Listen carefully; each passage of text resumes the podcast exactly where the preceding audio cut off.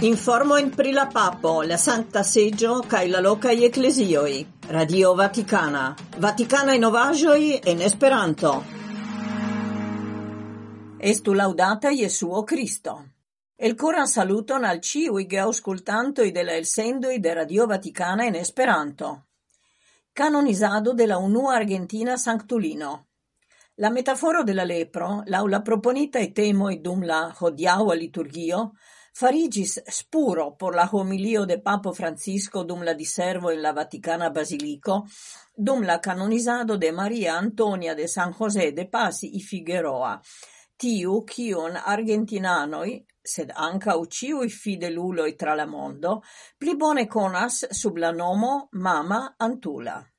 Unua Argentina sanctulino, el la decoca iacento dum el pelade poco de la societo de Jesuo, si disvastigis en Bonaero ca in aliai regionoi la cutimon de spiritai exerzoi lau Sancta Ignazo, fondinte heimoin por spiritualezzo cae disconiginte dion alla gentoi cae ancao alla patrai fundintoi de la patruio ciui, consideris shin kiel patrino.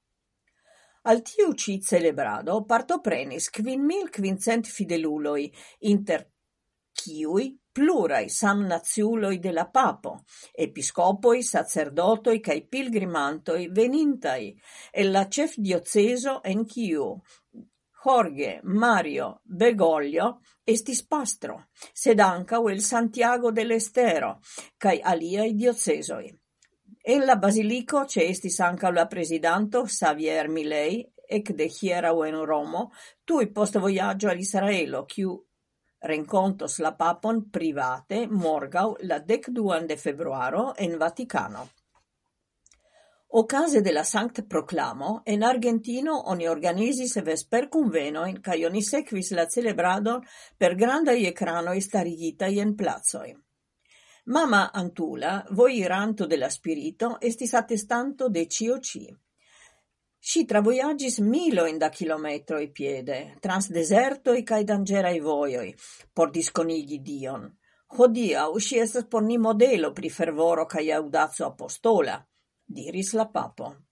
La sanctulino alpregis la propetadon de Sancta Iosefo, cae por ne lacigi lin multe, e si al pregis anca tion de Sancta Gaetano Tiene, fondinto de la Teatina congregazio, en conducinte ties devotezon en Argentino.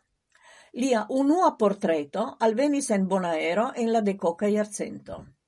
Dank al mama Antula, tiu ci sanctulo, propetanto de la dia providenzo, malfermis voioin, en domoi, quartaloi, en transportai sistemoi, vendeioi, fabricoi, cae en lacoroi, por offerti dignan vivon pere de laboro, iustezzo, ciutaga pano sur la tablo de malriciuloi.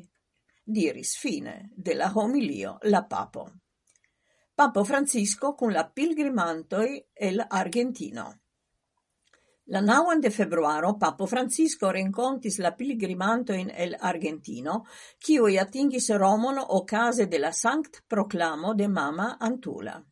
Virino attenta alla mal pli favorita, Mama Antula, enfasis la papo, por la non tempo mondo estas curagigo por tiui kiu in la sozio forgetas. La caritato de mama Antula, a parte en la servo alla plei besonantai, Hodia us in presentas cun granda forto, mese de sozio, kiu riscas forgesi che la radicale individuismo estas la plei malfacile venquebla viruso. Viruso, chiu trompas. Gi igas nin credi che cio consistas el niai senbridai ambizioi. La papo memorigis, che la voyaggio al sankteco implicas fidon, cedemon, cae gi estas tiu, cion mama Antula ekprenis, spertante tion, cion Dio volas de ciu el ni. Papo Francisco aldonis che mama Antula nutrigis ie instruado de Sancta Ignazio Loyola. Ciam in Argentino estis malpermesita la Societo de Jesuo, si sola zorgis pri disfastigado de la spiritaj exerzoi, tiel provante helpi ciuin malcovri la bellezzo de la sequado de Cristo. Fine la papo substrecis grandan fervoron de mamantula por la Eucaristio, kiu devas esti la centro de nia tuta cristana vivo, el kiu fontas la forto por realigi nian apostoladon. Da treveno de la subscribita i modifoi de la concordato. Aparta secularismo ne malamica, sed cun labora, sur base de komunaj valoroj bazitaj je rispondezzo pri la materialaj kaj spiritaj bezonoj de homo. Tio evidentiĝas kvardek jarojn post la subscribo della modifo alla concordato, ancorau la referenza cadro por pazza evoluo della rilato interstato Stato ecclesio.